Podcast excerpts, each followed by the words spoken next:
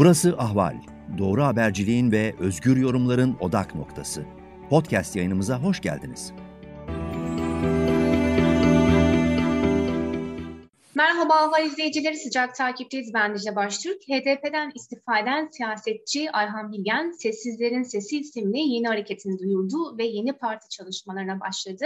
Bugün eski milletvekili ve eski Kars Belediyesi eş başkanı Ayhan Bilgen'le beraberiz. Bilgen'le örgütlenme aşamasında olan yeni partiyi konuşacağız. Merhaba Ayhan Bey, hoş geldiniz.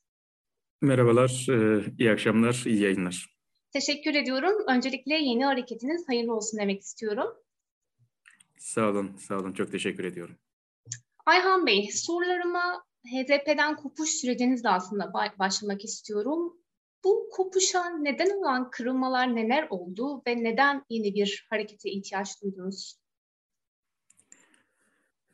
Ben tabii aslında e, yani geriye dönük tartışmayı doğrusu çok sevmiyorum. E, yani şüphesiz e, bir ihtiyaç hissettik ve yani bu noktada da yani bundan sonrasını e, daha çok doğru tarif ederek belki e, evet. yani geçmişte neyi başaramadığımızı, nerede tıkandığını e, uygulamada göstermemiz gerekiyor. E, ya siyasetçilerin alışkanlığıdır. E, yani kendilerinde hiç kusur aramazlar. E, hep başkasını suçlayarak e, bir okuma yaparlar. Ben e, hayatım boyunca bundan uzak durmaya çalıştım gücüm yettiğince. E, yani geçmişle ilgili tartışmalarda kendimi asla e, böyle e, hani işin içinden sıyırarak başkasını suçlayarak konuşmaktan, tartışmaktan yana olmadım. Hatta şunu hep ilke olarak paylaştım. Dedim ki biz siyasetçiler önce kendimizi eleştirmeliyiz. Sonra yakın çevremizi, sonra belki diğer partileri ya da iktidarları eleştirmeliyiz ki toplumda siyasete dair e, umutsuzluk, güvensizlik, karamsarlık aşılabilsin. Hep birlikte öz eleştiri yapalım, hep birlikte yüzleşelim, hep birlikte neyi, niye başaramadığımıza dair cesur tartışmalar yapabilelim. Yani ben e, genel olarak küresel siyasette e, temsili demokrasi krizi olduğuna inanıyorum. Bunu bir süredir e, yazıyorum, röportajlarda paylaşıyorum. Yani belediye başkanıyken de, e, belediyeye giderken de, e, Ankara'da, mecliste, parlamentoda çalışma yürütürken de bunun e, okumalarını, bunun e, teorik tartışmalarını yapmaya çalıştım. Temsili demokraside e, yani bildiğimiz klasik, geleneksel sandık demokrasisi eksendir. Seçimden ibarettir toplumun siyasete katılma yolu, araçları. Oysa bu artık ülke sorunlarını çözmeye yetmiyor. Siyaseti daraltıyor, çürütüyor, yozlaştırıyor, kamplaştırıyor, kutuplaştırıyor. Tam da bu kutuplaşmadan çıkmak, bu kamplaşmaya teslim olmamak, ezberleri bozacak yeni bir bakış açısı ortaya koymak zorundayız. Ancak böyle sorun çözebiliriz. Bu da toplumun siyasete doğrudan katılımıyla mümkündür. Yani toplum adına bir siyaset değil, toplumun kendisinin siyasi özne haline gelmesi, kadınların, gençlerin, e, belki yoksulların, engellilerin, herkesin kendisinin siyaset öznesi olmasıdır. Bu konuda 7 Haziran seçimleri aslında bize tarihi bir fırsat verdi. HDP bu anlamda çok farklı kesimlerden ilgi gördü. Kendi geleneksel oyunun çok üzerinde bir e, oy aldı. E, ya bir siyasi parti için hani e, neredeyse oyunu işte e, yüzde otuz kırk artırma durumundan bahsediyoruz. E, yani ama ne yazık ki kendimi de dahil ederek söylüyorum ve sadece HDP'nin suçu kusuru değil bu. Türkiye siyasetinin tıkanıklığıdır.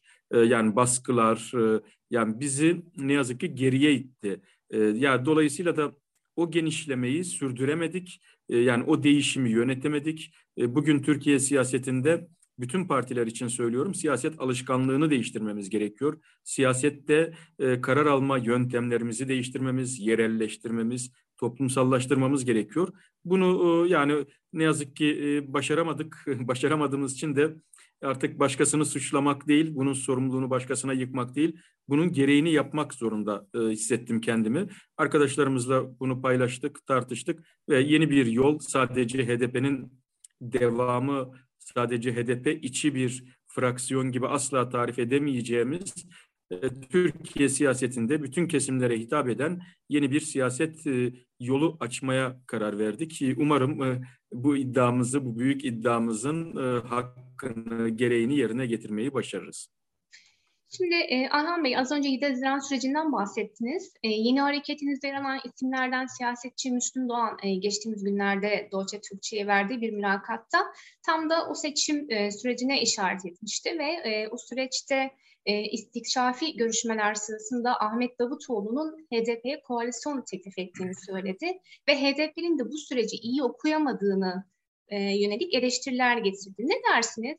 Siz e, HDP'nin o dönemde böyle bir teklifi kabul etmesi gerektiğini mi düşünür, düşünüyorsunuz? E, bu durumda e, HDP'nin bu teklifi reddetmesi durumunda bugün yaşanan ağır siyasal sonuçları o noktaya, o sürece mi bağlıyorsunuz?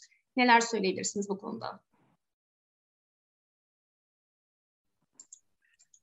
Ee, Dicle Hanım tabii tarihi geri getirmek mümkün değil. Ee, yani bu anlamda e, dünkü trene bugün binemezsiniz. Ee, yani o gün, o saatte e, ne yapmanız gerekiyorsa onun e, gereğiyle e, ancak ders çıkartabilirsiniz. E, önünüzdeki dönemi bu doğrultuda yönetebilirsiniz. Tabii ki bu yorum e, yani e, Müslüm Bey'in yorumu e, eldeki veriler üzerinden yapılan bir yorumdur. Yani biz, kamuoyu, herkes bu durumu böyle okuyor. Yani parti kurullarında yer alıyor olmamıza rağmen elimizdeki bilgi bundan ibarettir. Ama bu böyle değilse yani gerçekten bir koalisyon teklifi yapılmamışsa e, Sayın Davutoğlu tarafından HDP e, yönetimine bunu kamuoyuyla paylaşmak, e, açıklamak, e, görüşmelerin içeriğinde gerçekte ne konuşulduysa bunu e, toplumsal siyaset zemininde ortaya koymak da gayet tabii e, yani siyasi etik açıdan önemlidir ve yani o günleri doğru okumak, tarihte hak ettiği yere oturtmak açısından da önemlidir. Yani biz şüphesiz yani bu herkesin bildiği ya da bildiğimizi sandığımız verili durum üzerinden konuşuyoruz. Ama yani Sayın Davutoğlu e, başka bir e, yani konsept ortaya koymuşsa ya da HDP heyetleri başka bir tartışmanın içinde kendilerini bulmuşlarsa e, bunu da seçmenleriyle, toplumla, halkla paylaşabilirler. Biz de yorumlarımızı, değerlendirmelerimizi bu doğrultuda yaparız. Yani o gün itibariyle aslında mesele iki partinin koalisyon kurması değildi. Mesele Türkiye'de Kürt sorununun barışçı çözümüyle ilgili bir zeminin inşa edilmesiydi. Yoksa e, yani e, HDP'nin e, hani bir klasik koalisyon ya da ittifak arayışı işte e, ihaleler ya da kadrolaşma üzerine kurulu bir arayış değildi ki. Yani buradaki e, hadise e, sonuçta siyasette diyalog kapılarını kapatmamaktır süreci doğru yönetmektir. Ee, yani seçim kampanyasında kurduğunuz dili seçim akşamı e, elbette ilkesel bir terk edişten bahsetmiyorum ama manevra alanınızı genişletecek biçimde süreci yönetmenizdir. Ee, yani Türkiye'de eğer e, o gün e, başka bir gelişme yaşanabilseydi, yani yaşanmamasının sebebi e, yani Adalet Kalkınma Partisi midir, HDP midir, her ikisi midir, ikisinin de payı var mıdır? Ya bunun tabii polemiğini yapmak için söylemiyorum ama e, 1 Kasım'a kadar yaşadığımız süreç çok ağır bir süreçtir. E, ya kimsenin bunun vebalini kaldırmaya gücü yetmez. Gar katliamı, Suruç, yani bir sürü patlamalar, e, yani vahşet yaşanmıştır. Dolayısıyla da o 1 Kasım'a giden toplum mühendisliği süreci, algı operasyonları e, süreci bence Türkiye tarihine, Türkiye siyasal hayatına kara bir leke olarak düşmüştür. E, böyle anılacaktır, böyle hatırlanacaktır. Siyasetçinin bunlara fırsat vermeyecek manevralar yapması, hamleler yapması, taktik e, yani belki duruşlar, tutumlar geliştirmesi gerekir. Ben bu anlamda yani Kürtlerin ülke yönetimine katılmasının Türkiye barışı açısından, e, aidiyet duygusunun gelişmesi açısından, birlikte yaşam, ortak gelecek açısından değerli olduğunu düşünüyorum. Yani Kürtler e, hep dışlanmak, hep e, yani sokakta e, gazlanmak, coplanmak, e, sadece bu anlamda bir e, muhalefete e, kendilerini mahkum görmemeliler. Sonuçta bu ülkede birlikte yaşıyorsak ülkeyi de birlikte yönetmeliyiz. Bütün kesimleriyle, bütün inanç grupları, diller, kültürler birlikte yaşadığımız ülkeyi birlikte yönetebilmeliyiz. Peki yeni hareketinize gelmek istiyorum. E, partileşme sürecine başladınız. Nedir durum? Resmi başvurunuz yapıldı mı? Nasıl bir e, süreç yaşanacak şimdi önümüzdeki günlerde burada? Aslında biz tabii hafta sonu son bir çağrımızı yaptık. Yani nerede durduğumuzu, nasıl baktığımızı, neden bu yola çıktığımızı tarif etmeye çalıştık. E, çok uzun değil yani bu ayın sonuna kadar yani dolayısıyla e, böyle bir e, hani 10 günü e, geçmeyecek bir e, süre içerisinde resmi başvurumuzu da yapmayı hedefliyoruz. E, şu anda e, tüzük program çalışmalarımız devam ediyor. E, yani kurucu e, olmak isteyen arkadaşlarımızla görüşmelerimizi yapıyoruz. E, dolayısıyla da hani zaten önümüze hedef olarak e, yani baharı koymuştuk. E, Mart ayının sonuna kadar e, bir başlangıç yapacağız. E, baharla birlikte yeni bir sayfa açacağız. Yeni bir soluk olmaya çalışacağız diye ifade etmiştik. Bu hedefimize uygun takvimi de işletmeye çalışacağız. Peki e, partinizin kurulması durumunda olası erken seçime veya zamanla yapılacak bir seçime hazır olabilecek misiniz? Bu konuda bir ki e, yol haritanız nedir bu anlamda? Yani biz tabii seçimlere girmek üzere hazırlık yapıyoruz. Yoksa bir pazarlık partisi, bir tabela partisi kurma niyetinde, arayışında değiliz. E, Türkiye siyasi hayatında bir boşluk görüyoruz ve kendi kişisel arayışlarımızdan bağımsız olarak e, bu boşluğa, bu ihtiyaca cevap verebilecek, bu boşluğu doldurabilecek bir siyasi öznenin inşa olması, Türkiye siyasal hayatında yeni bir tarzı, yeni bir dili egemen kılmayı hedefliyoruz. Dolayısıyla da bunun e, en hani dinamik zemini seçim atmosferidir toplumun en siyasallaştığı, siyasete katılma imkanı bulduğu, biraz önce ifade ettiğimiz dar da olsa temsili demokrasinin sınırları çerçevesinde ülke geleceğine dair söz söyleme fırsatını, imkanını yakaladığı ortam seçimdir. Dolayısıyla seçimlere e, mutlaka öyle ya da böyle yetişeceğiz. E, biz tabii ki resmi başvurumuzu yapma e, ve e, yani hukukun gerektirdiği biçimde e, alındı belgesini teslim aldıktan sonra e, ki bu sadece ek, evrak eksikliği ile ilgili bir incelemedir. Yargıtay'ın ya da e, yani diğer e, program ve tüzük incelemeleri partinin kurulmuş olmasıyla birlikte devam eder.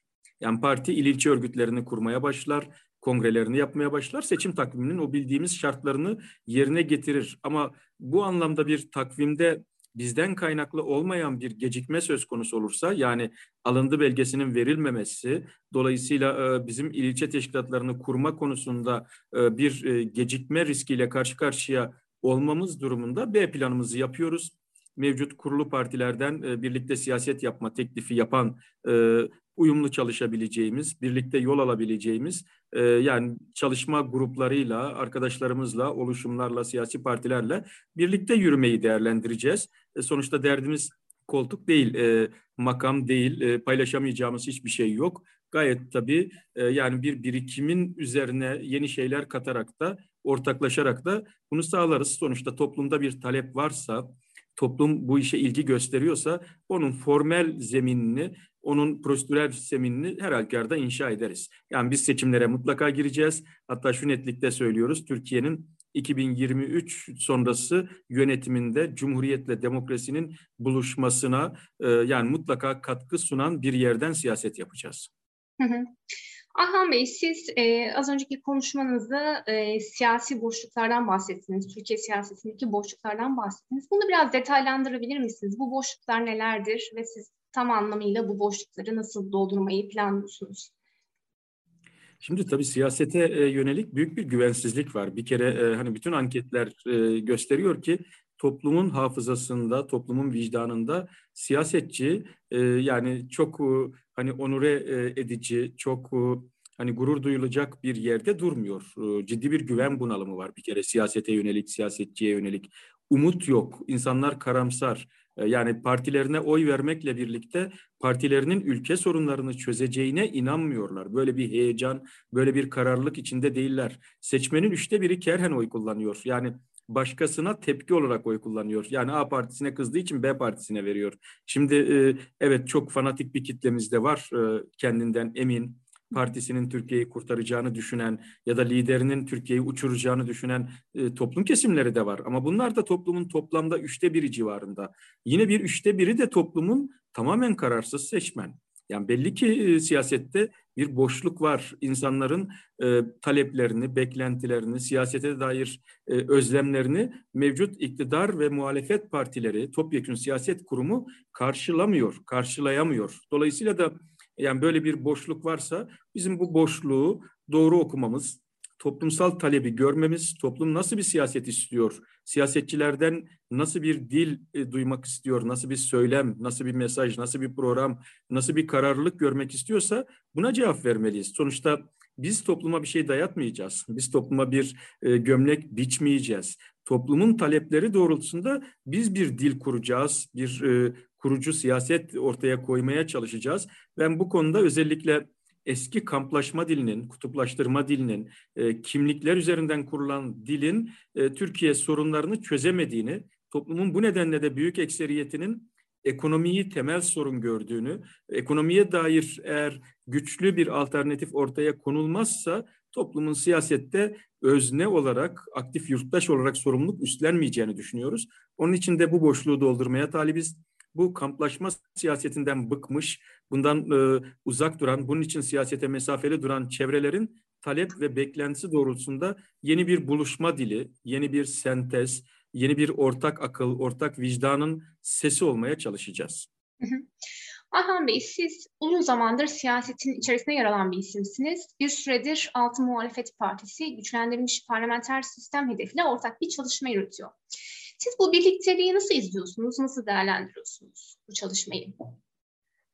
Ee, yani siyasi partilerin bir araya gelmesini değerli görüyoruz, e, önemsiyoruz. E, hangi ittifakta olursa olsun insanların eğer e, fikirlerinde bir ortaklaşma mümkünse buluşmalarını yani hem seçmenin zihninin berraklaşması, net resmi görebilmesi açısından önemsiyoruz. Hem de güç birliği, ortaklaşabilmek, uzlaşabilmek siyasette bir maharettir. Siyasetin görevi kavga etmek değil, uzlaşmaktır. Nerede kiminle uzlaşabiliyorsanız bence uzlaşmayı tercih etmek lazım. Tabii ki ilkeleriniz, programınız e, el verdiği, uygun e, olduğu ölçüde, çerçevede bu mümkün olacaktır.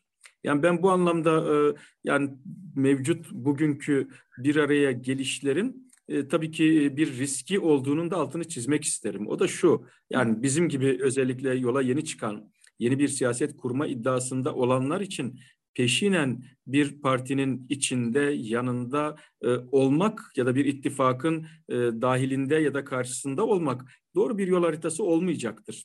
Bizim açımızdan topluma kendimizi anlatmak, toplumdaki arayışa cevap olmaya çalışmak çok daha doğru bir yol haritasıdır. Dolayısıyla yani ittifaklarla ilgili yorum, değerlendirme yaparken hiçbirinin karşısında da e, peşinen içinde de olmadığımızı ifade etmek isterim. Tabii ki bir muhalefet hareketiyiz bir muhalefet siyaseti ortaya koymaya e, çalışacağız. E, yani Türkiye'deki bugünkü kutuplaşmanın bir e, biçimde aşılması gerektiğini düşünüyoruz. Bu ittifaklara karşı olmak anlamında değil, gayet tabii ittifaklara açığız. Önümüzdeki günlerde, ileride partimizi anlattıktan sonra toplumun bizi görmek istediği yer neresi ise gayet tabii o anlamda her türlü işbirliğine açık olacağız. Ama e, siyaset yapma konusunda ittifaklar bazen siyasi partileri frenler, e, yani kısıtlar. Siz ortaklarınızın da hassasiyetlerini gözeterek bazen kendiniz olamazsınız, kendiniz gibi konuşamazsınız. Kendi söyleyeceğiniz sözü e, biraz yutkunarak, e, biraz kısıtlayarak ifade etmek zorunda kalabilirsiniz. Bu da siyasetsizleşmeyi doğurur. E, biz bu siyasetsizleşme tablosunun dışına çıkmak istiyoruz. En azından seçim atmosferine girene kadar sözümüzü dobra dobra olduğu gibi bütün netliğiyle toplumla buluşturmak, topluma ulaşmak istiyoruz. Dolayısıyla da ben hani parlamenter sistem etrafındaki buluşmayı da ya da işte başkanlık sistemi etrafındaki buluşmayı da e, yani kendileri açısından tutarlı ve değerli görüyorum. Ama yani ben Türkiye'nin demokratikleşmeye ihtiyacı olduğu kanaatindeyim ve bunun sistem tartışmasından çok kurum ve kurallar tartışması üzerinden yürümesi gerektiğini düşünüyorum. Yani başkanlık sistemi de demokratikleştirilebilir. Parlamenter sistem de daha demokratik biçimde inşa edilebilir. Bu sistemi siyah ve beyaz gibi tarif etmek yerine daha çok güçler ayrılığını, özgürlükleri güvence altına alacak güçlü medya, e, özgür sivil toplum gibi denge denetleme mekanizmalarını konuşmalıyız diye düşünüyorum. AKP'nin MHP ile birlikte hazırladığı yeni yasa teklifine nasıl bakıyorsunuz Ayhan Bey? Şimdi tabii yani bardağın hani dolu tarafını da boş tarafını da görmemiz gerekiyor. Yani bu anlamda barajın yüzde ondan yediye indirilmesi hangi niyetle yapılmış olursa olsun hani ister MHP için ister işte yeni kurulmuş partilerin arasında yeni ittifaklar oluşması için ne için yapılmış olursa olsun sonuç itibariyle yani yüzde on mu daha iyidir, daha demokratiktir, yüzde yedi mi diye sorduğumuzda gayet tabii yedi deriz. Ama yüzde yedi yetmez, yüzde beş olmalı, üç olmalı. Çünkü mevcut sistemde zaten yürütme erki ayrı seçiliyor. Türkiye'yi yöneten zaten başkan ve başkanın atadığı bakanlar. Dolayısıyla parlamentoda çok sesin olması, parlamentonun parçalı hali e, bu anlamda bir istikrarsızlık, bir risk konusu değildir. Tam tersine temsil ve aidiyeti güçlendirir. Onun için de hani barajın 7'den de aşağıda olması gerektiğini e, ifade etmeliyim. Ama buna rağmen hani ondan iyidir. ama hani belki de yetmez ama evet denecek bir durumdur. E, yani ikinci altını çizmek istediğimiz nokta tabii ittifakların artık oylardan faydalanması konusudur. Ya evet. bu konu tabii tartışılabilir ama ben önceki modelin sorunlu olduğunu düşünenlerdenim.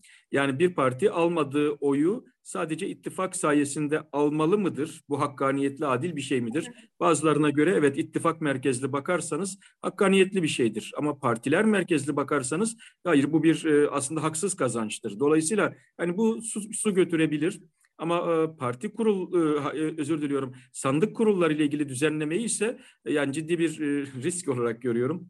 Yani burada e, galiba sandık güvenliği konusunda e, daha e, alınması gereken başka tedbirleri konuşmak zorundayız.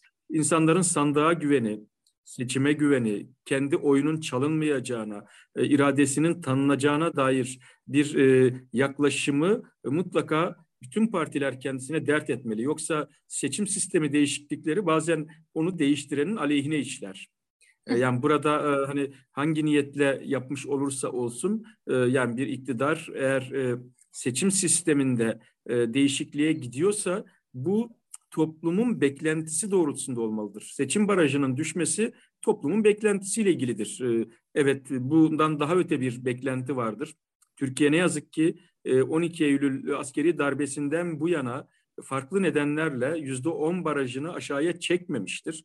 Bugüne kadar bunun yapılmamış olması da bir ayıptır. Tüm siyasi partiler açısından bir ayıptır. Ama e, yani bu beklentiyi daha doğru okumak, e, belki bu konuda e, daha net, daha kararlı bir iradeyi ortaya koymak lazım. Bu arada tabii e, yani komisyona geldi e, yasa ama komisyonda değişikliğe uğrar mı e, ya da genel kurula geldiğinde e, iktidar milletvekillerinin önergeleriyle yeni eklemeler yapılır mı onu da bilmiyoruz. O riskten de bahseden e, yazarlar var. Umarız e, yani bu bir oldu bitti e, değil. E, gerçekten hani e, bir e, sistemin eksiğinin giderilmesine hizmet etsin. Çünkü iktidarlar bugün var, yarın yoklar ama e, hukuk herkese her gün, her zaman lazım. Peki siz bu yasa teklifinden sonra HDP'nin kapatılması ihtimalinin güçlendiğini düşünüyor musunuz? Ee, yani ne yazık ki tabii Türkiye'de siyasi partilerin kapanma e, devrini bitiremedik. E, belki daha önce e, yani yanlış hatırlamıyorsam 2015 öncesiydi. E, meclise gelen siyasi partilerin kapatılmasıyla ilgili paket geçseydi, geçebilseydi ve kapanma konusu daha çok meclisin iradesiyle şekillenseydi, yani o düzenleme e, kabul edilmiş olsaydı e, belki bugün böyle bir risk de yaşamıyor olacaktık. E, sonuçta siyasi partileri toplum kapatmalıdır, halk kapatmalıdır, sandıkta kapatmalıdır. Siyasi ömrü bitmiş siyasetçiler ya da siyasi anlayışlar halk tarafından e, zaten e, yani bir biçimde oy düşür, düşüşüyle mahkum edilmelidir. Ama ne yazık ki biz bu konuyu hala çözemedik, aşamadık. Ben de siyaset yasağı istenen isimlerden, e, birisiniz, evet. isimlerden birisiyim. Dolayısıyla da hani bu konuda söyleyeceğim şeyin zaten objektif olması beklenemez. Sonuçta mağduruyum ben bu konunun. Yani attığım sosyal medya mesajları dolayısıyla bu dosyaya girmişim. Oysa sosyal medya mesajlarım ifade özgürlüğü kapsamındadır. Bir kısmı ile ilgili yargılandım, bir kısmı ile ilgili yargılamalar devam ediyor. Ben e, yani sözlerimin suç işleme kastı içermediğini, ifade özgürlüğü ve eleştiri hakkı olduğunu defaten ifade ettim. Ama benim sözlerimde bu partinin kapanmasının gerekçesi olarak gösteriliyor ve bana siyaset yasağı konulma talebinin de argümanı yapılıyor. E, dolayısıyla da burada e, yani keşke bu koşulları iyileştirmiş, değiştirebilmiş olsaydık.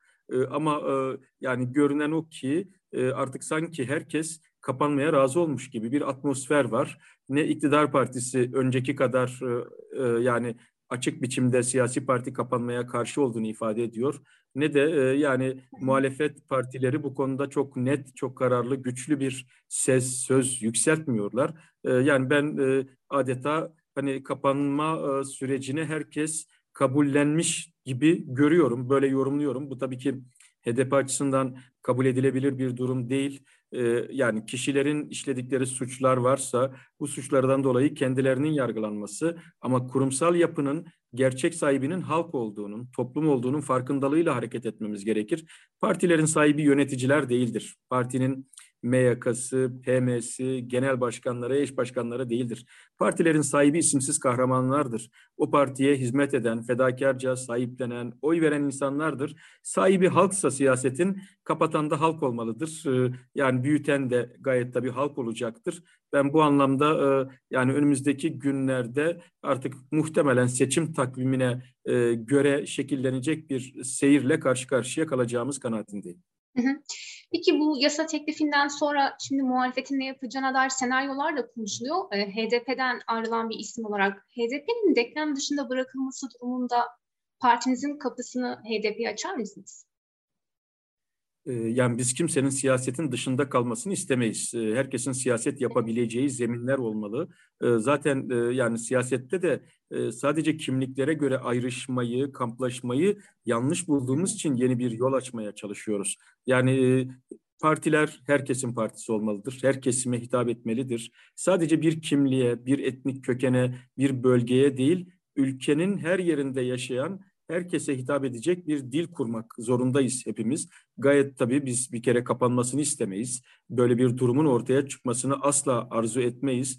Ee, yani HDP yöneticilerinin kendilerinin bir yol haritası olabilir, bir planları olabilir. Belki başka bir partiyle girmeyi tercih edebilirler. Bağımsız girmeyi ya da girmemeyi tartışabilirler. Bunlar tabii benim e, hani söz söyleme hakkımın olmadığı alanlar e, HDP'nin takdir edeceği bir şey ama biz kendi adımıza gayet tabii Türkiye'de siyasetten dışlanan demokratik mücadele sınırlarında kalmak şartı e, şartıyla ve e, demokratik siyaseti önemseyen herkese kapımız açık olacak.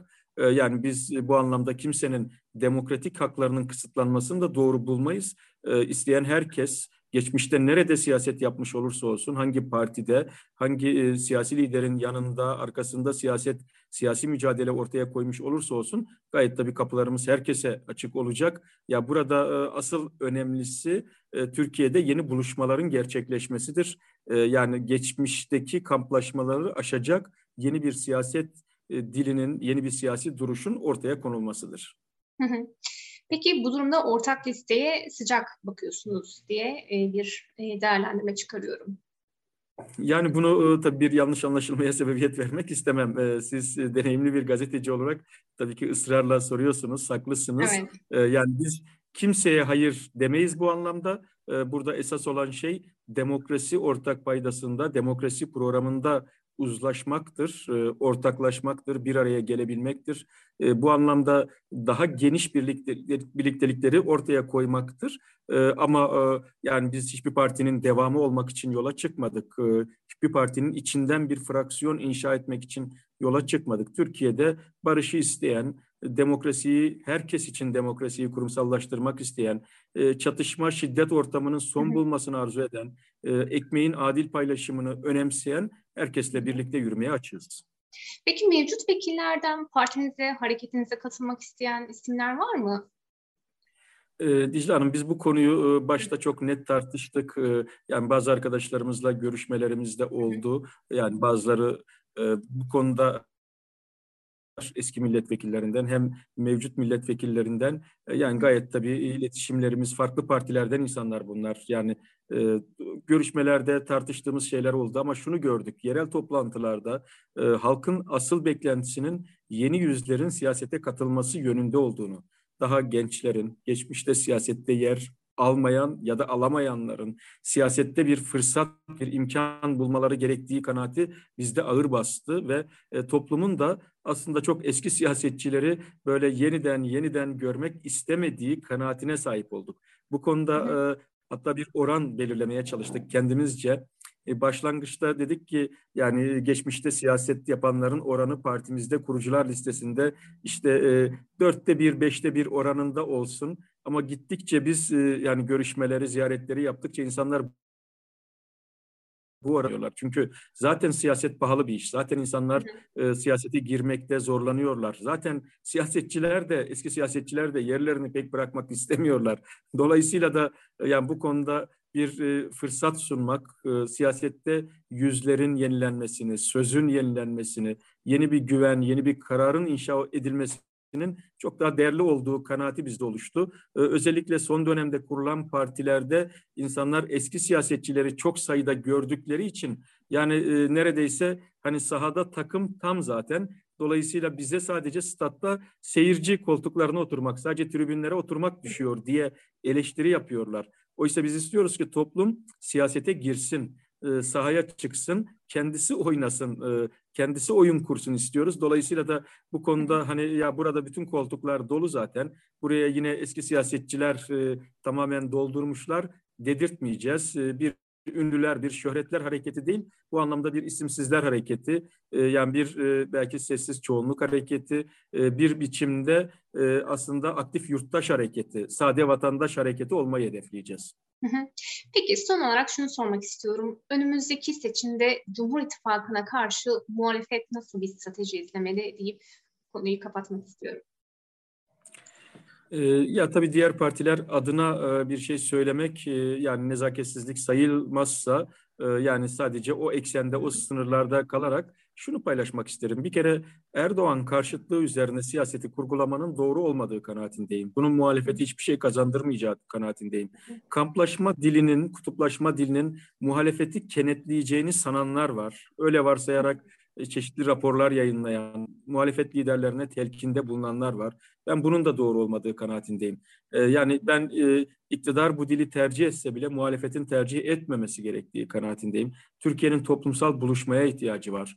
Seçmen davranışlarında geçişkenliğin olabilmesi için bu kutuplaşmayı, bu gerilim dilini boşa çıkaracak yaklaşımlar, diyalog ortamları e, sağlamalıyız, kurmalıyız diye düşünüyorum. Ya burada seçim kampanyasının sadece e, parlamenter sistemin e, güçlendirilmiş parlamenter sistemin üzerine kurulmasını da ben doğrusu e, yeterli görmüyorum. O tabii ki onların tercihidir. Türkiye toplumunun gündemi daha çok ekonomi politikaları ile ilgili. E, yani özgürlükler, demokratikleşme konusu ve ekonomi politikaları konusunda bir e, ortak program ortaya konamazsa e, bir alternatif e, inşası mümkün olmaz. E, burada toplumun beklentisi özellikle ekonomi politikalarında bir e, alternatifin ortaya konulmasıdır ve tabii ki demokratikleşme konusunda da tutarlı bir yaklaşımın sergilenmesidir. Ben e, bu anlamda sadece parlamenter sistem önerisi değil, Türkiye'nin demokratik yeni bir anayasaya olan ihtiyacının muhalefet tarafından dillendirilmesinin daha bütüncül, daha tutarlı, daha kapsayıcı bir siyaset olacağı kanaatindeyim. Tabii ekonomi politikalarında yani parlamenter sistem konusunda uzlaşan partiler uzlaşabilirler mi? Aynı yerde duruyorlar mı? Burada gayet tabii asgari müşterekler üzerinden bir uzlaşmadan bahsediyorum. Yoksa zaten e, aynı şeyi motomot savunsalar tek parti olurlar. Gayet tabii farkları olabilir ama önceliklerinde ortaklaşabilirler. Bu konuda da e, yani, yani temel ekonomi politik tartışmalarını yaptıklarında e, ne kadar ortaklaşıp ortaklaşamayacaklarını da hep birlikte göreceğiz. Peki çok teşekkür ediyoruz katıldığınız için. Teşekkür ediyorum. İyi yayınlar diliyorum. Sağ olun. Teşekkürler. İyi günler. Ahval podcastlerini tüm mobil telefonlarda Spotify, SoundCloud ve Spreaker üzerinden dinleyebilirsiniz. Apple iPhone kullanıcıları bize iTunes üzerinden de ulaşabilir. Türkiye'nin ve hayatın cıvıl cıvıl sesleri Ahval Podcast dizisinde. Kulağınız bizde olsun.